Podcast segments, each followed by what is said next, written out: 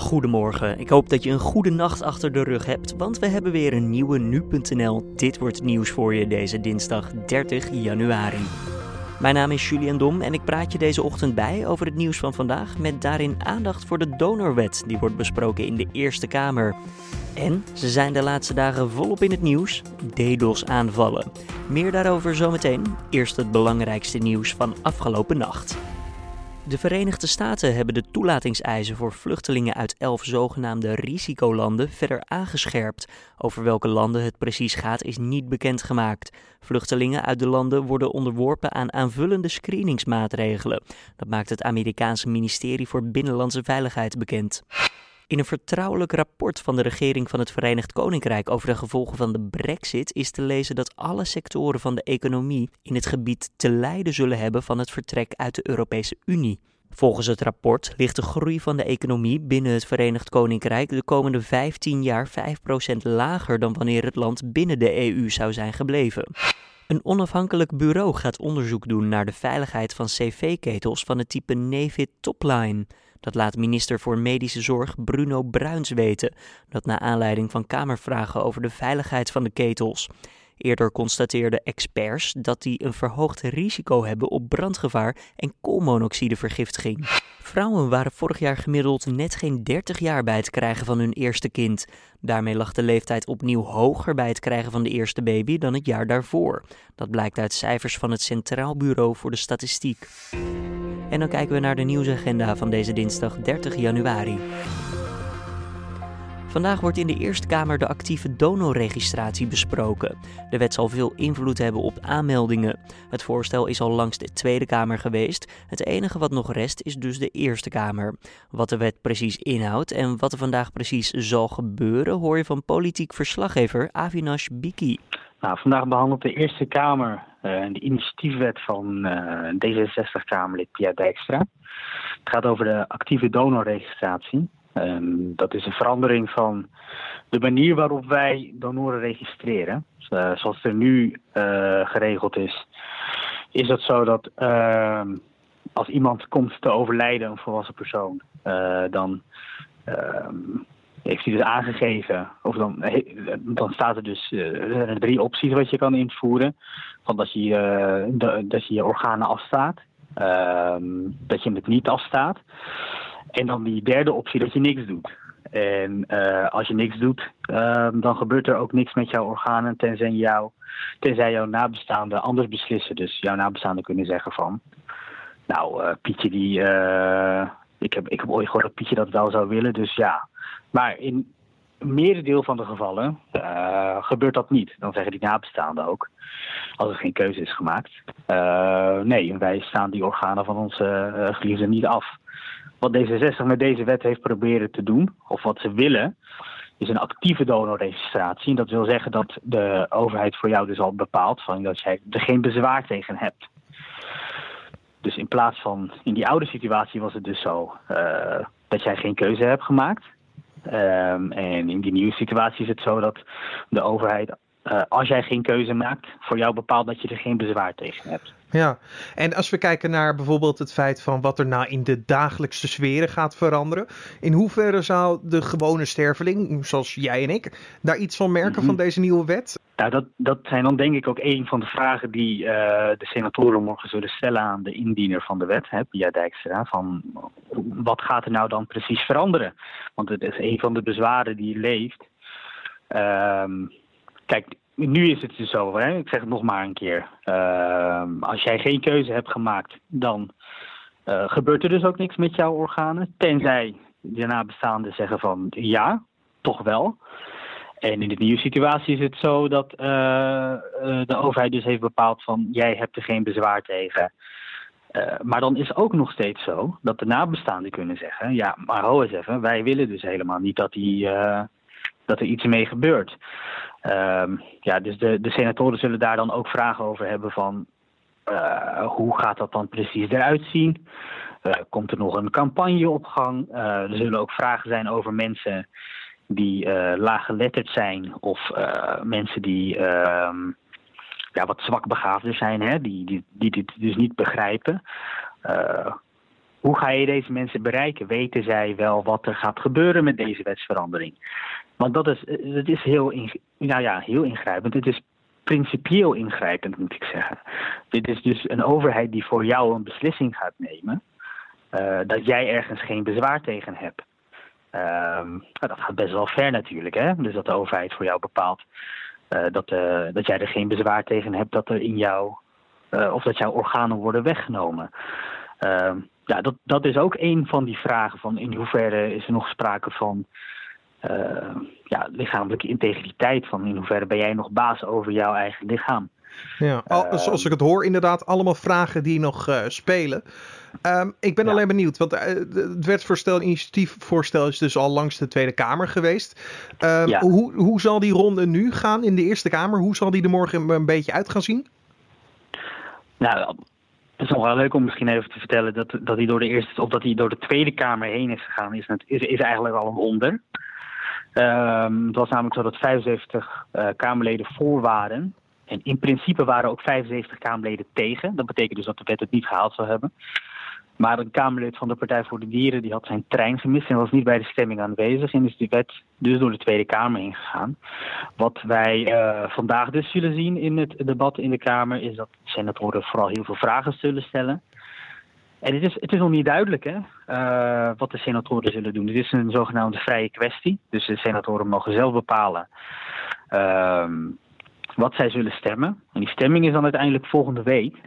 En dan wordt duidelijk uh, ja, of deze wet het ook echt gaat halen of niet. Hoe groot uh, schat jij afsluitend de kans dat de wetvoorstel de, over de nieuwe donorregistraties wordt goedgekeurd? En zo ja, wat gebeurt er dan? Ja, dat, dat vind ik echt heel lastig. Normaal gesproken kunnen wij wel een best wel voorzichtige, of nou, best wel accurate uh, voorspelling uh, maken. Maar wat ik al zei, het is een vrije kwestie. In een zaak, uh, of ja, een wetsvoorstel. Kijk, als je ook naar de eerste of naar de Tweede Kamer keek, was het eigenlijk 75 van 75. Um, in de Eerste Kamer is ook nog niet duidelijk hoe de VVD gaat stemmen, hoe het CDA zal gaan stemmen. Het kabinet heeft hier ook geen uh, opvatting over, dus je weet helemaal niet of die coalitie uh, erin mee zal gaan. Ik, ik, ik zou het echt niet durven zeggen wat, wat er volgende week uitkomt. Maar misschien dat het debat van vandaag wat meer inzicht kan brengen over waar de senatoren staan. En we volgende week een iets ja, beter beeld hebben over hoe hoe er gestemd zal worden. Je hoorde politiek verslaggever Avinash Biki in gesprek met Carné van den Brink. Als je nu.nl met een schuin oog hebt gevolgd de laatste dagen, dan komt dit woordje vast bekend voor: DDoS.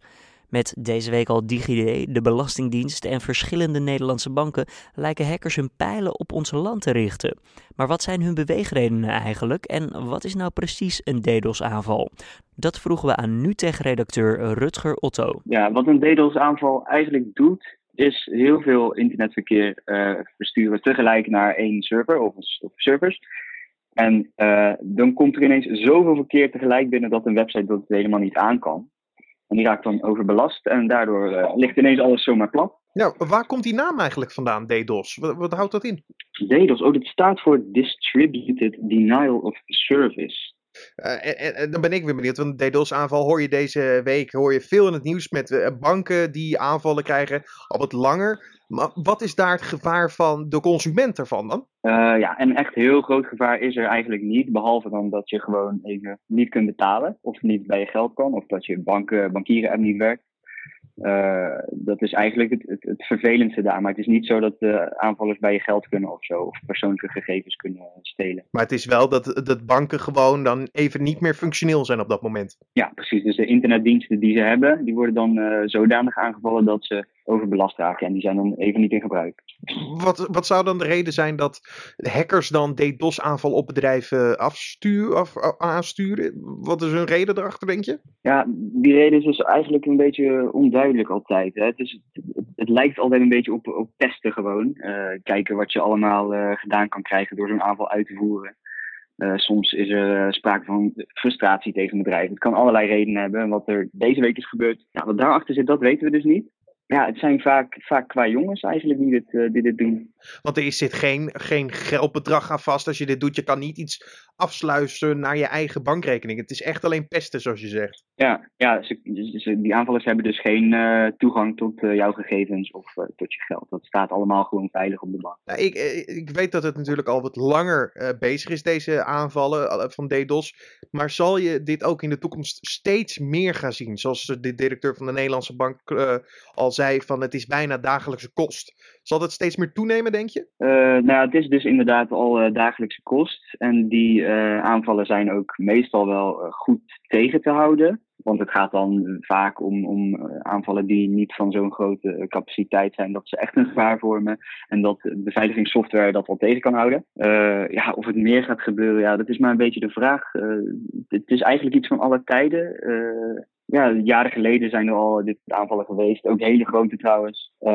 ja, het is, het is een manier om, om grote systemen helemaal plat te leggen. En ja, Verder hebben die aanvallers er zelf ook weinig aan. Je hoorde NUTEG-redacteur Rutger Otto.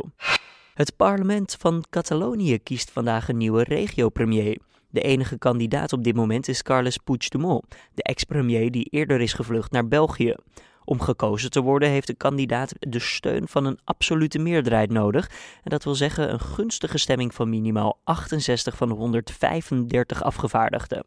Het Spaanse Hof heeft zaterdag verder geëist dat Puigdemont bij een eventuele beëdiging in het land moet zijn. De Verenigde Staten publiceren een lijst met nieuwe sancties tegen Rusland. Washington wil nieuwe sancties opleggen aan het land wegens de vermeende bemoeienis met de Amerikaanse presidentsverkiezingen van 2016. Rusland heeft die beschuldigingen echter herhaaldelijk ontkend. En in de kwartfinales van het KNVB-bekertoernooi staat dinsdag één wedstrijd op het programma. SC Cambuur, de enige uit de Jubiler League bij de laatste acht, speelt om kwart voor negen uit tegen FC Twente. Zowel Twente als Cambuur draait in de competitie geen sterk seizoen en dus is het bekertoernooi een uitgelezen kans om het jaar alsnog van glans te voorzien. Dan kijken we naar het mediaoverzicht van deze dinsdag. Gemeenten controleren niet of bijstandsontvangers de Nederlandse taal machtig zijn. Dat schrijft de Volkskrant. Twee jaar geleden werd als eis ingevoerd dat ontvangers van een bijstandsuitkering Nederlands moeten kunnen spreken. Als dat niet het geval is en de ontvanger van de uitkering zich niet inspant om de taal te leren, dan kan de uitkering gekort worden. Het aantal opgerolde hennepkwekerijen loopt terug, maar dat betekent niet dat er ook daadwerkelijk minder illegale wiet wordt geteeld. Dat denkt Stedin, de netbeheerder in Zuid-Holland en Utrecht, al dus de Telegraaf. Volgens Stedin komt dat doordat criminelen steeds slimmer worden in het verbergen van kwekerijen. Het zit de Amerikaanse president Donald Trump niet altijd mee. Zelfs kan hij vaak rekenen op kritiek vanuit verschillende kanten en ook nu bij de uitnodigingen van de State of the Union is er ophef, schrijft de New York Times. Er staat namelijk een forse fout in de uitnodiging. Zo staat er niet State of the Union, maar State of the Union met een M van Marie.